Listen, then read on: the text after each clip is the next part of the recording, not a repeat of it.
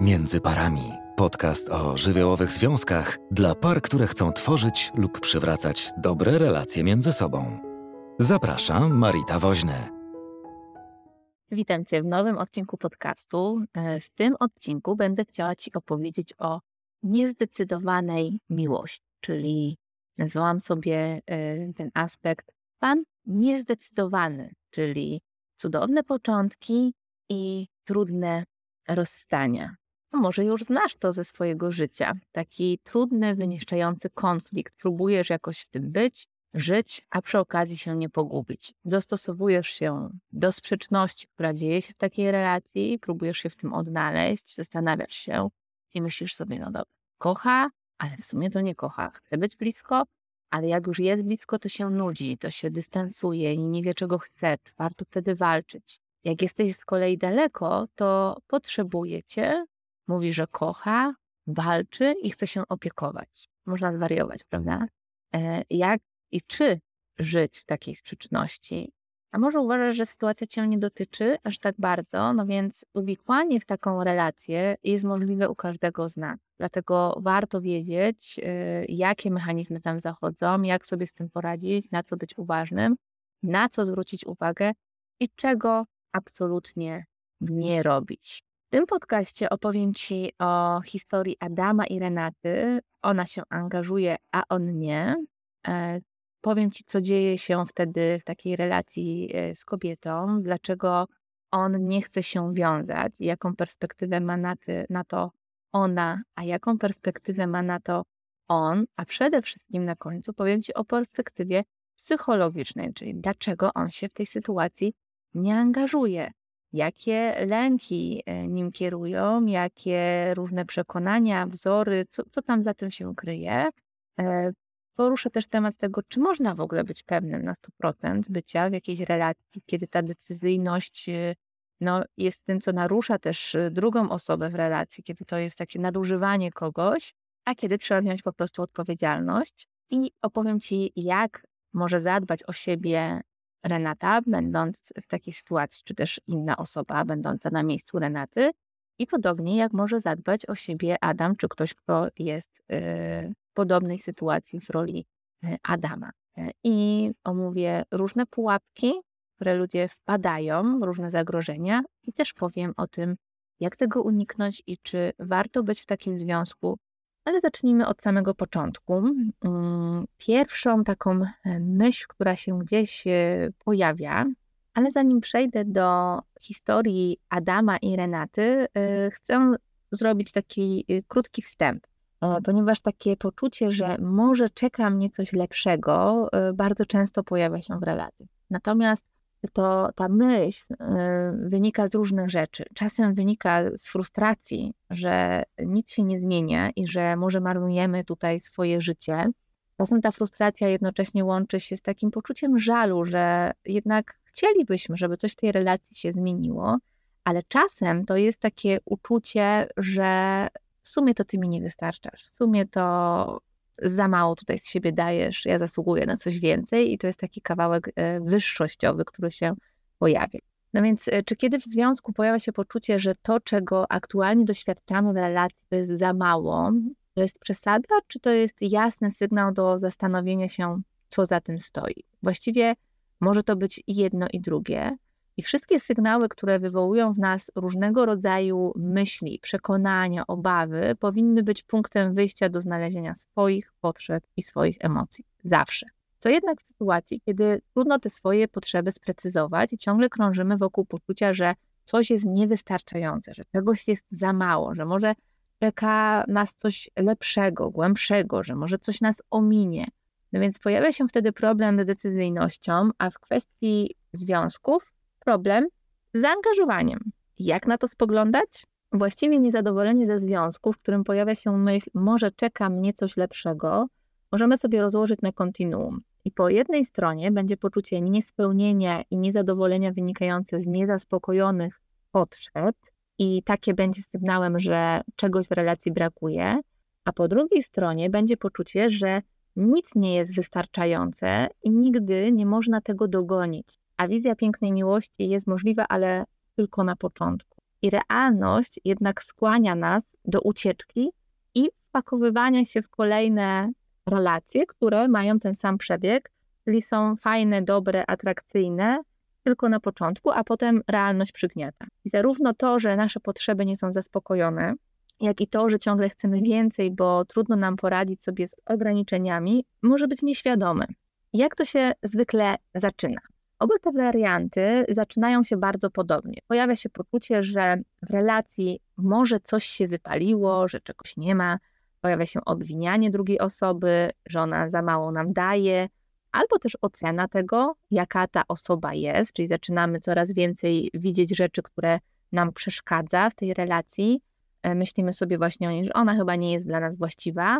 Podejmujemy bardzo różne strategie, by poradzić sobie z frustracją, która jest pod spodem. No i problem się komplikuje właśnie przez to, jakie strategie wybieramy do poradzenia sobie z tą trudnością. Rzadko zatrzymujemy się przy tym, e, o co nam chodzi, czego nam brakuje, czego my potrzebujemy, co sprawia, że jest czegoś za mało. I to drugiej osobie przypisujemy sprawczość, jej oddajemy odpowiedzialność za, te całe, całe zło, które się dzieje.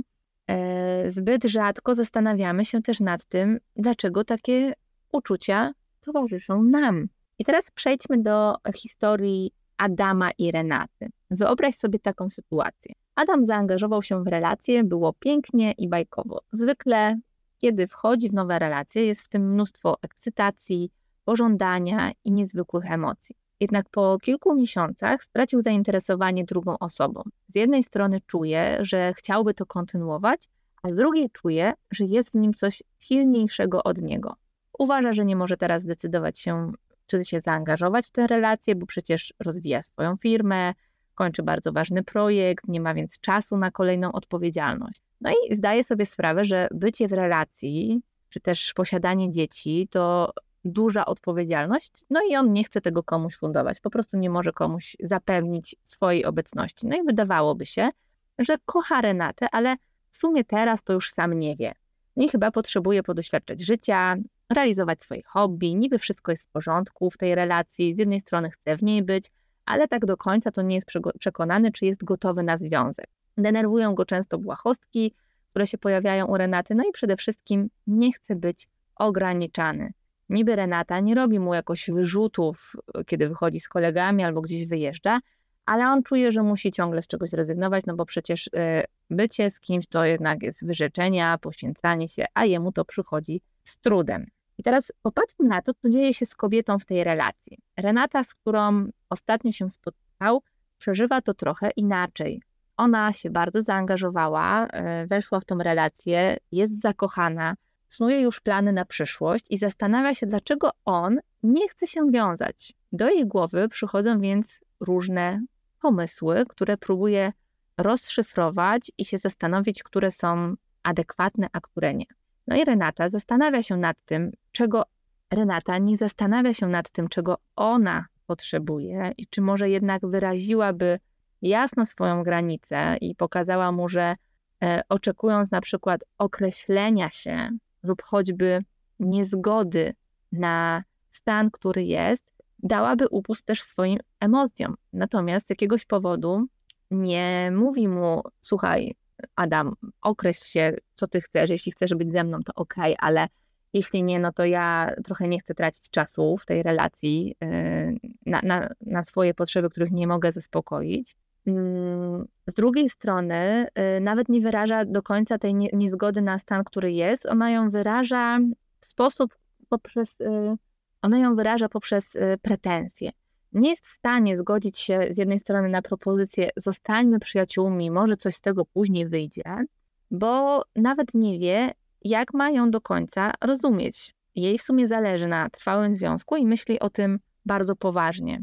Całą energię wkłada w to, żeby zrozumieć, co stoi za tym, że on tak ma.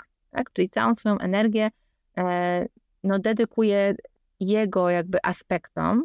No i byłoby to całkiem rozwojowe, gdyby nie fakt, że pod spodem u Renaty uwidacznia się ogromny lęk przed odrzuceniem, samotnością i poczuciem niedowartościowania.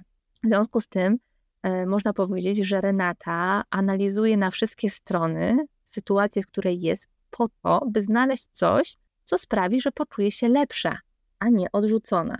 By w efekcie nie musieć zmagać się z rozstaniem, którego nawet nie tyle nie chce, co bardzo się boi, no bo to rozstanie spowodowałoby, że uwidacznia się ogromny lęk właśnie przed odrzuceniem, samotnością i poczuciem niedowartościowania. Co dzieje się więc y, z Renatą? Jaką odpowiedź znajduje na to, dlaczego on nie chce się wiązać? A więc Renata e, w swojej głowie znajduje milion powodów, które tłumaczą zachowanie Adama. I myśli sobie tak, może zrobiłam coś nie tak, gdyby mi tylko powiedział, przecież mogłabym się zmienić. Pewnie poprzednie kobiety były lepsze ode mnie. A może już znalazł się ktoś, kto potrafi mu więcej dać? Jestem beznadziejna. Nie, nie rozumiem tego. Wczoraj mówił, że mnie kocha, a dzisiaj mówi, że nic do mnie nie czuje. To musi być kłamstwo. Na pewno chce się zaangażować, a ja mogę mu pomóc. I jak widzisz, y, żaden z tych powodów nie dotyczy jego osoby, a wszystkie są wymierzone w nią samą. Albo się porównuje, albo się krytykuje, albo zaprzecza temu, co odczuwa. E, szuka problemów w sobie. Można więc domyślać się, że jej samopoczucie, e, czy też poczucie własnej wartości obniża się e, diametralnie. Dlaczego jednak on się nie angażuje? Popatrzmy teraz na, na perspektywę Adama. Okazuje się, że to nie jest pierwsza relacja Adama, która kończy się w ten sposób. Właściwie wiele związków kończyło się rozpadem, bo on miał poczucie, że nie, to nie jest ta, ona kompletnie nie czuje moich klimatów, nie mamy wspólnych zainteresowań. W sumie to jesteśmy jak ogień i woda, seks jest fajny, ale to wszystko, jeśli ktoś miałby mnie tak kontrolować, to ja w ogóle wolę nie być w związku. Seks nie był tak wyśmienity jak w poprzedniej relacji. Z nikim się tak nie kłóciłem, jest ładna, wszystko spoko, ale po trzech spotkaniach takie awantury to, to będzie potem. I część kolegów Adama podpowiada mu, że przecież kobiety takie są, one są kłótliwe, mataczą, manipulują, ograniczają, a po co on ma się wpływać w taki związek? Przecież jest, przecież jest podrywaczem, jest, jest kimś, kto może mieć każdą laskę, wyrwać sobie kogoś, kto po prostu będzie dla niego, może mieć każdą, bo, bo nigdy nie miał z tym problemu, żeby poderwać jakąś dziewczynę. No i Adama taka percepcja e, jego znajomych bardzo łechcze, łechcze jego ego i on jeszcze bardziej czuje, że jeśli by się zaangażował, to przecież mógłby utracić swój wizerunek, że jak to już nie jest taki macho i może mieć każdą, tylko po prostu to mm, podporządkował się tej jednej, a kiedy czuł, że to mogłaby być ta jedna właśnie, pojawiły się kolejne argumenty w jego głowie.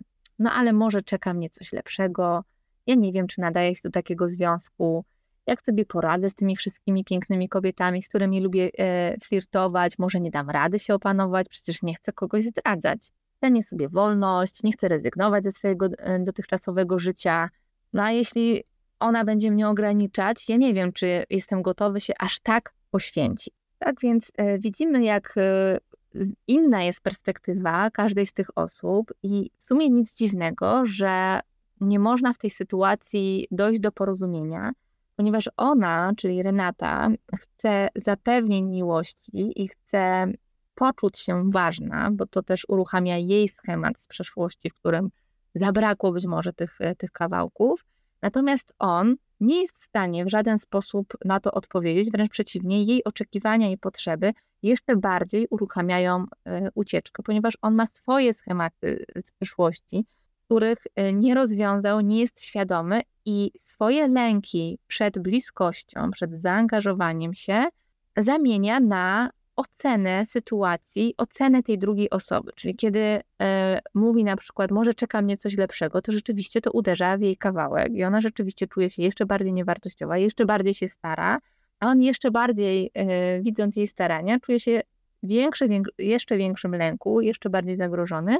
No więc e, wyciąga kolejny kaliber po to, żeby się tylko zdystansować. A jaka jest perspektywa psychologiczna? Dlaczego on się nie angażuje? To teraz e, kilka słów z takiej perspektywy psychologicznej, dlaczego on się nie angażuje. Wniosek, jaki można wyciągnąć z tych historii, jest taki, że Adama przede wszystkim pociąga nieobecność drugiej osoby, i to w tej nieobecności jest poniekąd zakochany. Tak można to rozumieć. Co ja mam na myśli przez to? Mam na myśli to, że jego zakochanie dotyczy wyobrażenia tego, jaka ona powinna być, a każde spotkanie się z realnością, czyli z tym, że ona jednak jest inna niż on sobie wyobraża, jest potężnym rozczarowaniem. Dlatego, że taka osoba gubi e, z oczu drugiego człowieka i przede wszystkim jest e, w dużej mierze skoncentrowana na sobie i na swoich pragnieniach. Nie zawsze jest tak, że taka osoba kończy wszystkie relacje. Może być jej również bardzo trudno z takiej relacji wyjść, e, nie potrafi tej relacji zakończyć. A kiedy wreszcie decyduje się na ten krok, to po krótkim czasie ten problem daje znowu o sobie znać. Można więc powiedzieć, że problemem nie jest ta druga osoba, ona w tej sytuacji, czy też y, inny padający często przy tej okazji argument, tylko problemem jest zniekształcony obraz miłości, który charakteryzuje się chwiejnością, pojawiającymi się naprzemiennie schematami od strachu przed bliskością, strachu przed zaangażowaniem, wzięciem odpowiedzialności, do ogromnego pociągu seksualnego czy też pożądania. I za moment chcę też omówić dodatkowe aspekty, które są składową tych właśnie trudności. Pierwszy aspekt to mm, taki lęk, że coś mnie ominie, lęk o utratę. Żyjemy w czasach, w których wszystko mamy szybko, żyjemy szybko, jesteśmy przyzwyczajeni, że wiele rzeczy przychodzi łatwo, mamy łatwy dostęp do wszystkiego, a to, czego potrzebujemy w wielu sytuacjach, możemy czy chcemy załatwić na wczoraj. Żyjemy w pędzie, w poczuciu, że wszystko przecież można zorganizować, zmieniać, i to powoduje, że tą perspektywę przekładamy też na relacje. To natomiast sprawia, że dość szybko porzucamy starania właśnie o związki, a każdą osobę, która wydaje się, że nie jest do końca odpowiadająca naszym potrzebom, możemy przecież wymienić na kogoś lepszego, tak jak ten przedmiot na półce. Po prostu idę i biorę inny jogurt. Co zatem rodzi właśnie błędne poczucie, że osoby do związku można wymieniać, właśnie jak te towary. Jak się przeterminował, to wezmę sobie nowy. Jak mi nie, nie smakuje, to wybiorę inny smak. E, jak się popsuł, to sobie kupię nówkę sztukę nieśmiganą, a jak mi się znudzi, to po prostu y, odłożę to w kąt i, i znajdę sobie co innego e, do zabawy, coś bardziej atrakcyjnego, coś, co będzie po prostu dla mnie. I jestem bardzo mocno zwolennikiem bycia przy swoich potrzebach, przy swoich uczuciach, oczywiście, jednak e, jak wszystko, tak i ten aspekt ma też swoje skrajności. Można w tym przekonaniu zatrzymać się w swoim egocentryzmie i można tracić z oczu ludzi realność i poczucie odpowiedzialności, a można w ogóle zatrzymać się przy tym, jak nasze relacje wyglądają, zacząć to oglądać z takiej perspektywy, co ja do tej relacji wnoszę i dlaczego tak jest, że te relacje albo mi się nie udają, albo jestem ciągle z kimś niezdecydowanym, albo jak to w ogóle jest możliwe, że co chwilę ktoś mnie nudzi, rozczarowuje, coś mi nie pasuje. E, I tutaj bardzo ważne jest pooglądanie, jakie są te nasze wzory miłości. E, druga rzecz, drugi aspekt e, dotyczący tych trudności to jest taki skrzywiony obraz męskości, ale też brak wzorca. Więc e, wielu mężczyzn próbuje dążyć do pewnego rodzaju wzorca męskości, który częst, częściowo się zmienia, ale jednak ciągle jest mocno zakorzeniony. I ten przekaz kulturowy męskości też jest zakrzywiony. Męskość dla wielu ciągle kojarzy się z brakiem wrażliwości, z niewyrażaniem własnych emocji, ze siłą, ze zdobywaniem, z władzą, z niezależnością. Częściowo jest to właśnie y, związane też z brakiem wzorca, czyli tego, że jako mały chłopiec y, nie miał się z kim identyfikować, albo ten y, obraz męskości był jakoś zaburzony, zaburzony wzorzec męskości. Z powodu albo braku tego ojca w dzieciństwie, takiego braku fizycznego, ale też emocjonalnego. I to, jest, to się ciągnie w naszym społeczeństwie od pokoleń. Częściowo też jest to związane z przekazem kulturowym, który jest wzmacniany przez media, filmy, przez książki, e, a częściowo, ale właśnie ta nieobecność emocjonalna czy też fizyczna e, ojca ma ogromny wpływ na e, dzieci, na synów, bez względu właściwie na, na płeć. Po prostu ma to duży wpływ na, na dzieci i ich wzorce potem w przyszłości, w dorosłości. I tutaj nie będę tego aspektu rozwijać, bo e, o tym możecie posłuchać w podcaście Postawy mężczyzn względem związków. E, polecam jednak posłuchać wszystkie odcinki podcastowe od numeru 70 do 79, bo one w całości nadają takiego obrazu pokazują więcej, jak te wszystkie właśnie wzorce z przeszłości tworzą się, jaki wpływ mają postawy jednego i drugiego rodzica, jak to przekłada się właśnie, łączy się też z naszymi cechami osobowości i wpływa na nasze relacje w przyszłości. E, I w tym wspomnianym odcinku możesz posłuchać, jak postawa ojca, matki, też ich wspólnej relacji wpływa na kształtowanie się postawy chłopca, który potem przekłada się na dorosłość czy na związek. I o jakich strategiach tam na zachętę chcę Wam tutaj w skrócie powiedzieć, yy, mówię. Yy, o takich strategiach, że z mamą jest najlepiej, yy, albo wolę się bawić, ale nie angażować się, E, to wszystko to jest jej wina, czyli o obwinianiu kobiet. E, ja jestem macho, czyli o swojej sile i tak będę żyć, żeby nikt mnie nie zranił, czyli o lęku przed, e, przed bliskością, lęku przed odrzuceniem. I kolejny aspekt, który w tym temacie jest ważny, to przekonanie właśnie, że wszystko mogę, wszystko jest możliwe. Czyli mówimy z powrotem tutaj o tej niezdecydowanej miłości. Właściwie tutaj jest to związane e, z tym punktem pierwszym. E, jednak rozwinęłabym go dodatkowo o te różne slogany, które mówią, że jak się wystarczająco dobrze postarasz, to przecież możesz wszystko. I to powoduje, że obraz rzeczywistości zaczyna być zupełnie inny niż realny. Dodatkowo wpływa to na naszą psychikę, na nasze samopoczucie, bo kiedy do tego ideału nie jesteśmy w stanie sięgnąć, obniża nam się nastrój, czujemy się niewystarczający i coraz trudniej jest nam radzić sobie z ograniczeniami i je akceptować. E, czujemy wtedy, że mm, kiedy coś nie wychodzi, coś nam się nie udaje, to jest coś nie tak z nami, e, a czasem mamy przekonanie, że jest coś nie tak ze światem. Wszystko po to, aby nie doświadczać wynikających z tego emocji, takich jak smutek, rozpacz, bezradność czy też rozczarowanie. A przecież wszystkie te uczucia są normalne, z którymi Nikt co prawda nie nauczył e, nas sobie radzić, w związku z czym przyjęliśmy, że one normalne nie są i trzeba je wyeliminować, że to, że tak się czujemy, to jest coś złego, nie powinno się tak dziać, a to jest naturalny element życia. E, I jak chodzi o niezdecydowaną miłość, to takim e, piątym aspektem jest właśnie ten lęk przed bliskością, lęk przed odrzuceniem. Czyli często wcale nie chodzi o te wspaniałe rzeczy, których się nie zrobi i jakby to było wspaniale, ile adrenaliny w ogóle mnie ominie. Tylko tak, e, jak tutaj czujecie i omawiam te aspekty, to wchodzimy tak w głąb, w głąb, coraz bardziej w głąb od takich powierzchownych aspektów, które wypowiada taka osoba, do właśnie na takim głębszym poziomie trudności, czyli że za takimi trudnościami, postawami może stać właśnie lęk przed bliskością czy lęk przed odrzuceniem. Taki mężczyzna mógł doświadczać trudnych relacji z kobietą, w tym przede wszystkim z matką. I tu więcej o lęku przed bliskością, o tym, jak sobie z tym radzić, jak to rozpoznawać, e, jak to zmieniać, to w pierwszej kolejności możecie zajrzeć właśnie do podcastu. Tam jest krótko omówione, głównie w takiej perspektywie DDA, DDD. E, właśnie podcast nazywa się Lęk przed bliskością. Natomiast całościowo, kompleksowo o lęku przed bliskością mówiłam w moim webinarze, który możecie znaleźć na sklep międzyparami.pl. Ale idąc dalej, e, jeśli myślimy o niezdecydowanej miłości, czy można być pewnym decyzji tak na 100%? Ktoś, ktoś zapyta, czy, czy to jest w ogóle możliwe?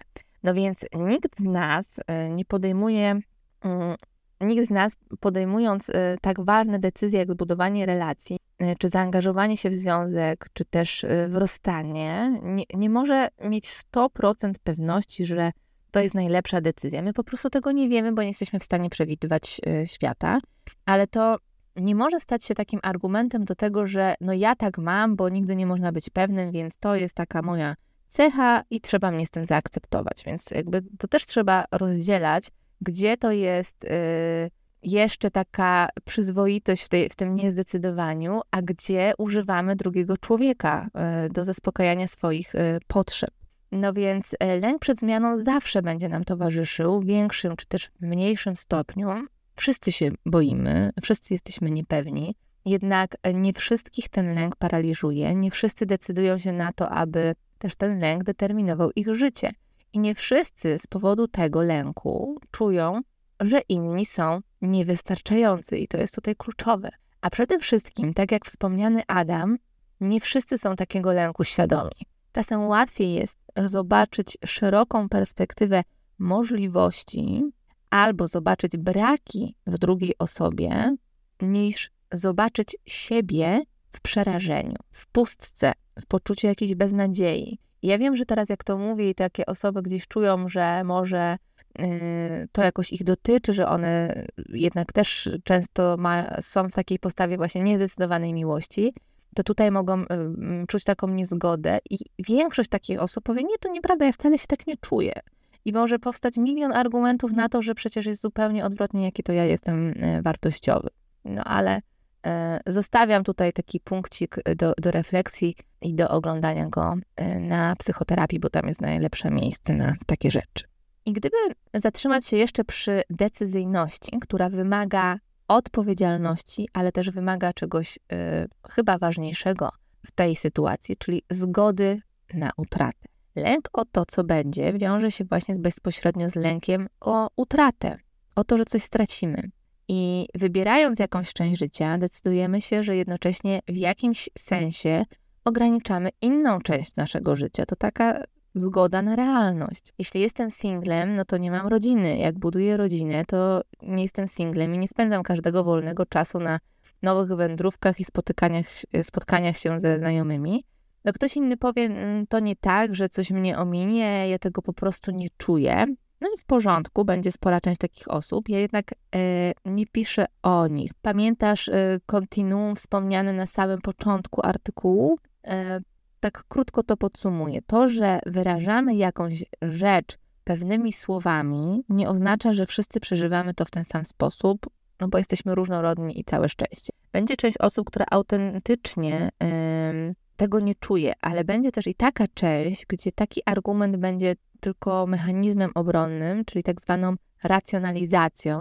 I za każdym jednak razem powinno nas to skłonić do zatrzymania się i zastanowienia, czego nie czułem, czego nie czułem, co za tym stoi.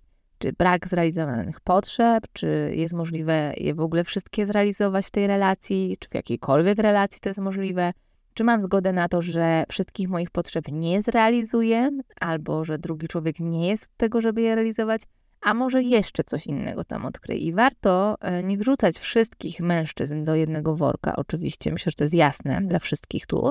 Nie wszyscy mają tego typu mechanizmy obronne i czymś e, normalnym jest nie chcieć być w relacji, w której e, brakuje nam takich podstawowych aspektów.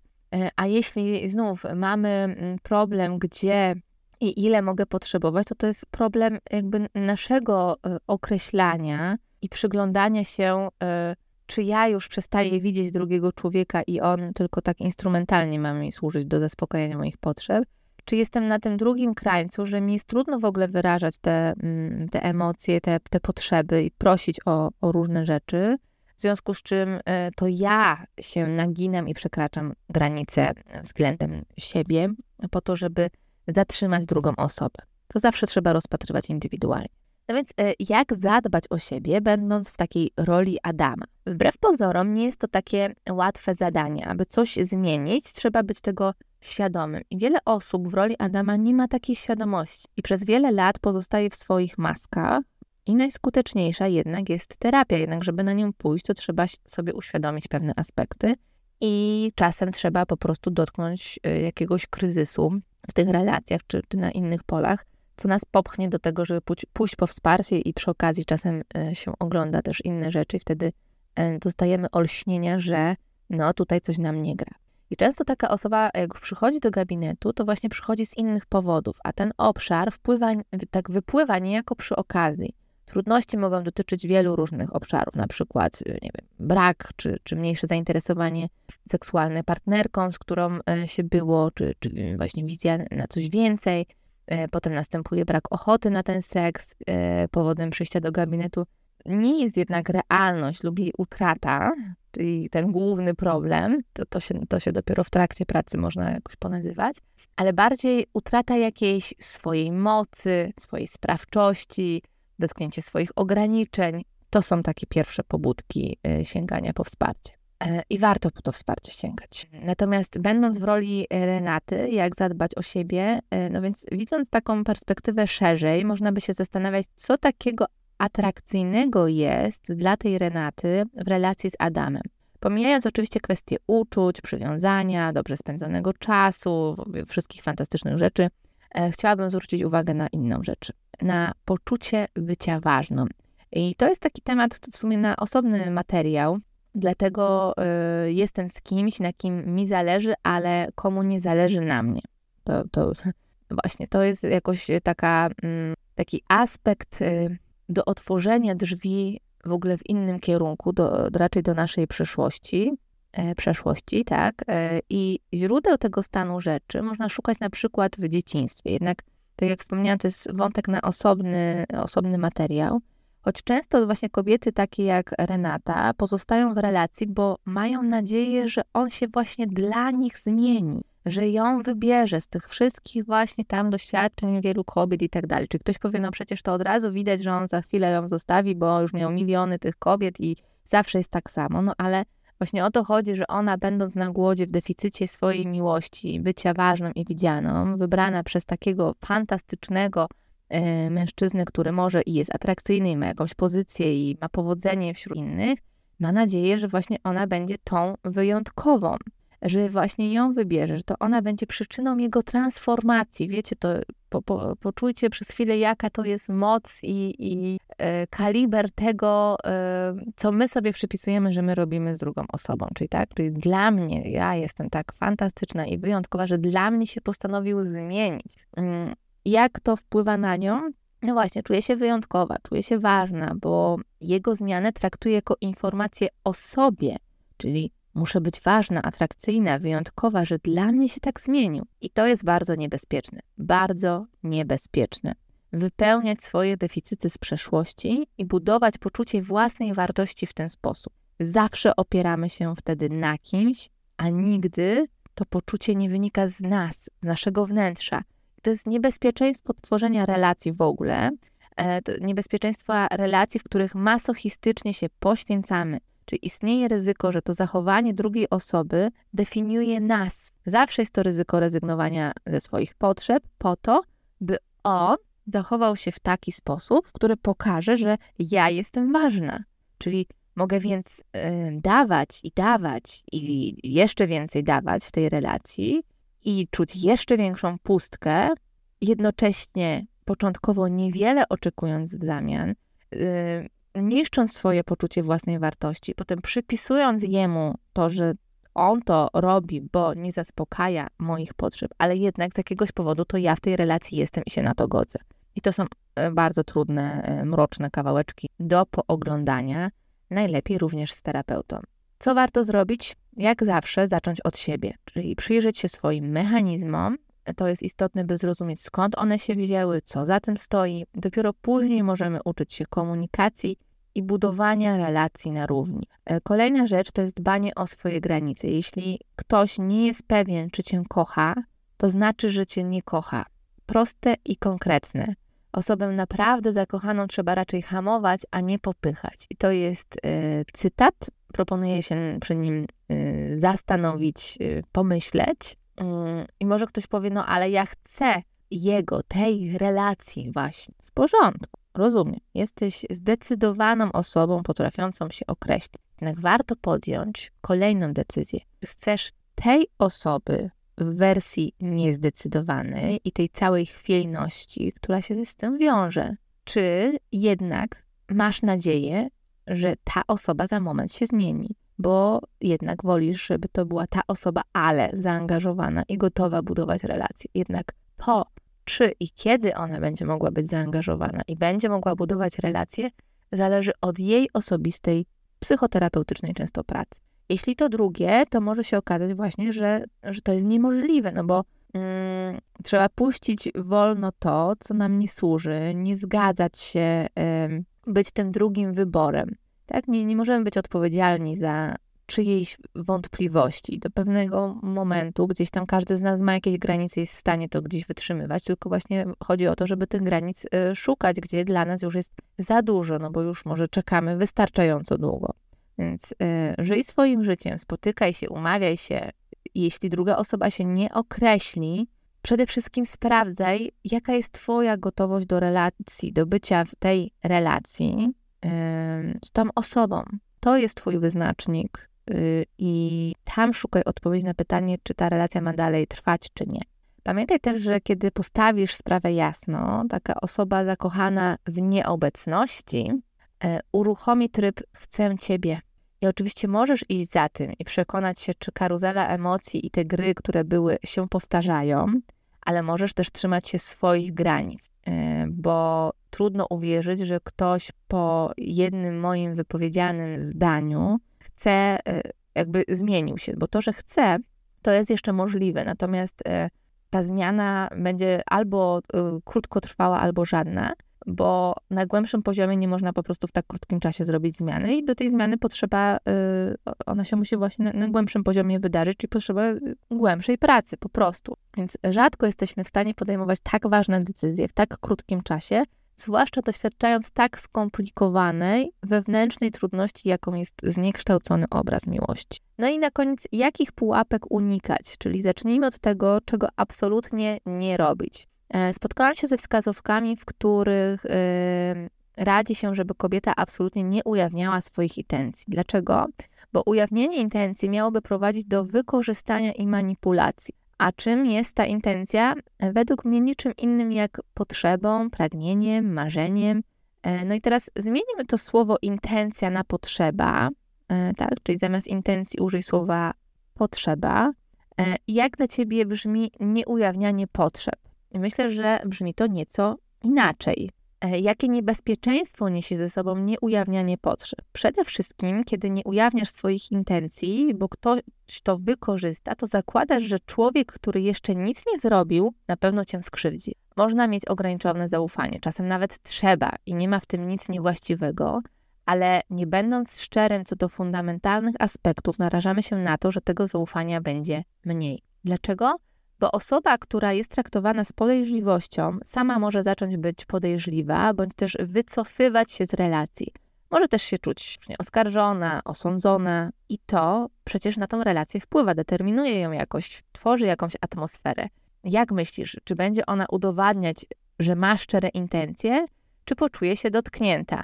I tutaj e, błąd, który popełniamy, to yy, taki, że do reakcji, czy też y, do, do reakcji tej osoby dopisujemy mm, jakąś diagnozę, czyli jeśli y, się stara, to ma szczere intencje, ale jak czuje się dotknięta, to nie ma szczerych intencji, a to nie jest prawda. Y, no więc co można zrobić innego?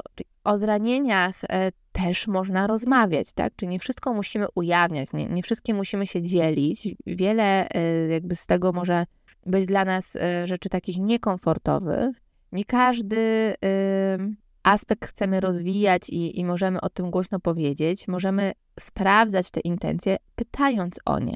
Często jednak tych pytań się obawiamy, bo ktoś pomyśli, że nam zależy, albo boimy się odrzucenia i oceny.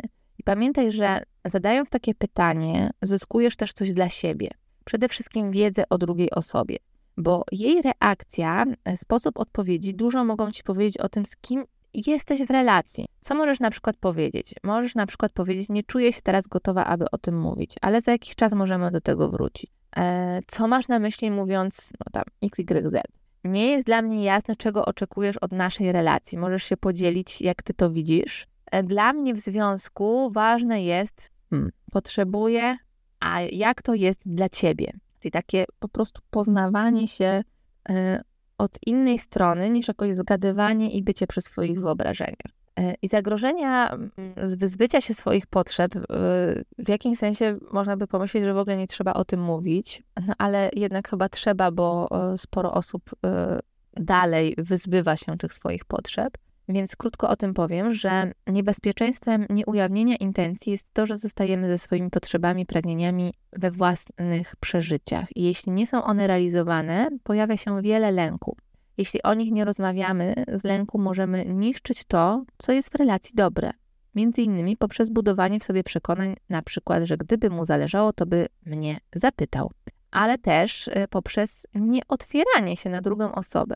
I kiedy relacja zaczyna stać w miejscu albo dzieje się w niej coś niekomfortowego, nie przypisujemy sobie odpowiedzialności, tylko właśnie tej drugiej osobie. Z drugiej strony możemy próbować się dopasować do drugiej osoby, aby ją zadowolić i zatrzymać. Jednocześnie zatrzymujemy swoje potrzeby, których niezaspokojenie prędzej czy później przyniesie frustrację. Więc ja tutaj e, chciałabym Was e, uczulić na takie zapraszanie do czytania w myślach, bo to jest też taki aspekt, który przy tej okazji się pojawia, że nie mówiąc o uczuciach, nie mówiąc o potrzebach, zapraszamy drugą osobę do czytania w Twoich myślach. A jak już powszechnie wiadomo, on czy ona się nie domyśli, jeśli nie powiemy o co nam chodzi po prostu wprost. To jest takie pokłosie wizji romantycznej miłości, czyli że jeśli o czymś powiem, a druga osoba to zrobi, to jest to mniej ważne, aniżeli zrobiłaby to poprzez takie samodzielne wymyślanie tego. Jeżeli wyrażasz potrzebę i ktoś na to reaguje, to oznacza, że ktoś reaguje na Twoje potrzeby i chce je realizować, zaspokajać. Tutaj jest jakby koniec tematu. Natomiast e, rozumiem to, że będąc zranionym czy zranioną, boimy się bardzo e, ponownego zranienia i to może nas blokować przed wchodzeniem w kolejne relacje, ujawnianiem siebie, pokazywaniem swoich potrzeb. Z drugiej strony, bez tego ryzyka nie mamy szans budowania relacji, bo w związkach zdarzają się zranienia i one nie zawsze są intencjonalne. To jest właśnie komunikacja i mówienie o swoim żalu, o swoich potrzebach. E, to sprawia, że możemy lepiej się rozumieć, lepiej znać swoje potrzeby, odpowiadać na nie. Możemy też tak, e, może być też tak, że dzięki temu dużo szybciej zobaczymy, że ktoś nie jest w stanie odpowiedzieć na naszą potrzebę, i to jest dla nas bardzo cenna informacja o kondycji naszego związku i o tym, dokąd on zmierza. Więc y, jak pojawia się pytanie, czy odejść, czy ratować, to będąc w związku możemy mieć wiele obaw, e, aby się rozstać. I zawsze będziemy bać się utraty, czuć niepewność i lęk o to, co będzie. Jeśli jednak jest tak, że jesteś w relacji, w której nie ma relacji, to warto sobie zadać pytanie, co mnie motywuje do bycia w tym związku? Bo mamy zawsze dwie drogi do wyboru. Często jest, jesteś i tak jakby o krok od rozstania, a zamiast podjąć tą decyzję, szukasz możliwości uratowania tej relacji. I czasem nawet y, jasne sygnały, w których druga osoba pokazuje ci, że nie jesteś na pierwszym miejscu, nie są na tyle skuteczne, byś mógł podjąć swoją słuszną decyzję. I co gorsze, ty rozważasz tę możliwość i zastanawiasz się, co zrobić. Czyli on mówi, nie wiem, czy cię kocham, nie chcę cię ograniczać, nie chcę się rozstać, no bo w sumie może mnie coś ominie, nie wiem, czy z tobą mogę to wszystko realizować, muszę sprawdzić, czy za tobą zatęsknię, no ale jak już zatęsknię, to możemy do siebie wtedy wrócić. A ty, zamiast powiedzieć stop, nie jestem drugim wyborem, nie będę czekać na możliwość bycia z tobą, yy, która być może się pojawi, zaczynasz się zastanawiać, co w tej sytuacji zrobić. Jak postąpić, jak to jeszcze uratować, jak na niego wpłynąć, jak to zmienić, jak to możliwe, że on tak cię traktuje, gdzie popełniłeś, popełniłaś błąd. I tworzysz w sobie błędne przekonanie, że skoro on zatęskni, bo rozważa to, to pewnie kocha, tylko ma problem z tą decyzją. No i to jest największy jakby kawałek. Jeśli ma problem z tą decyzją, to to jest jego problem i on musi się najpierw tym zająć, żeby móc wejść i zbudować rzeczywiście dojrzałą relację. I samodzielnie musimy się zastanawiać, czy przypadkiem lęk przed rozstaniem nie sprawia, że nie dbamy o siebie, nie dbamy o swoje granice i trzymamy się kurczowo relacji, która nam nie służy. E, no i na koniec chcę powiedzieć, że jeśli boisz się rozstania i emocji, które są z nimi związane, to chcę Ci powiedzieć, że rozstania są ważnymi, y, to chcę Ci powiedzieć, że rozstania z ważnymi dla nas osobami e, zawsze są trudne. E, rozstania jednak nie muszą być niszczące. Są trudne, ale nie, są, nie muszą być niszczące. Jeśli chcesz wiedzieć, y, jak się poskładać po rozstaniu, czy też znaleźć antidotum na złamane serce, bo Ciebie jakoś ten temat dotyczy, to możesz posłuchać mojego webinaru właśnie jak poskładać się po rozstaniu. A jeśli potrzebujesz czasu, i aby rozwiać te swoje wątpliwości i jeszcze się zastanowić, jak to w Twojej relacji jest, czy jest coś, co możesz zrobić, oczywiście nikt nie każe Ci się spieszyć. Zrób to w swoim tempie, ale sięgnij po wsparcie, sięgnij po, po pomoc, korzystaj z różnych źródeł. I tutaj e, ten temat można oswajać, czy też przyglądać się właśnie, czy ten związek da się jeszcze uratować. To, to, to też e, omawiałam w webinarze o takim e, dokładnie tytule, gdzie różne te aspekty, takie niuansiki omawiam mm, dotyczące mm, tego, co, co zwykle jest obszarem takich wątpliwości tuż przed rozstaniem. Więc możesz sobie do tego materiału e, zajrzeć, a oswajanie tematu powoduje, że zaczynamy się e, go mniej bać. Więc w ogóle robienie rzeczy, które powodują, że opada nam lęk, są bardzo pomocne, bo dzięki temu możemy lepiej zaglądać do siebie i do swoich y, emocji, a dzięki temu wydobywać swoje osobiste, własne odpowiedzi na trudne tematy. I do tego Was y, serdecznie zapraszam. E, a już teraz y, chcę, chcę Was zaprosić do kolejnego podcastu, którego tytuł jest Czym ona jest lepsza ode mnie. To jest taki podcast, który mm, powstał jako efekt wielu rozmów gabinetowych, w których właśnie wielokrotnie zgłaszały się kobiety po rozstaniu z dręczącym je pytaniem, jak to się stało, że on mnie zostawił, że nie chciał się zaangażować. A po naszym rozstaniu nagle znalazł sobie szybko kogoś, z kim zdecydował się być. E, co tu jest na rzeczy? E, dlaczego mi odmawiał? Więc yy, przyjrzymy się głębiej temu tematowi, bo on jest też yy, poniekąd właśnie związany z tą niezdecydowaną miłością i często idzie z tym e, w parze. W związku z czym już teraz zapraszam Cię do kolejnego podcastu. Do usłyszenia. Jeśli chcesz posłuchać innych odcinków na temat psychologii związków, zajrzyj na międzyparami.pl. Jeśli masz propozycję tematu na kolejny podcast, wyślij wiadomość przez formularz na stronie.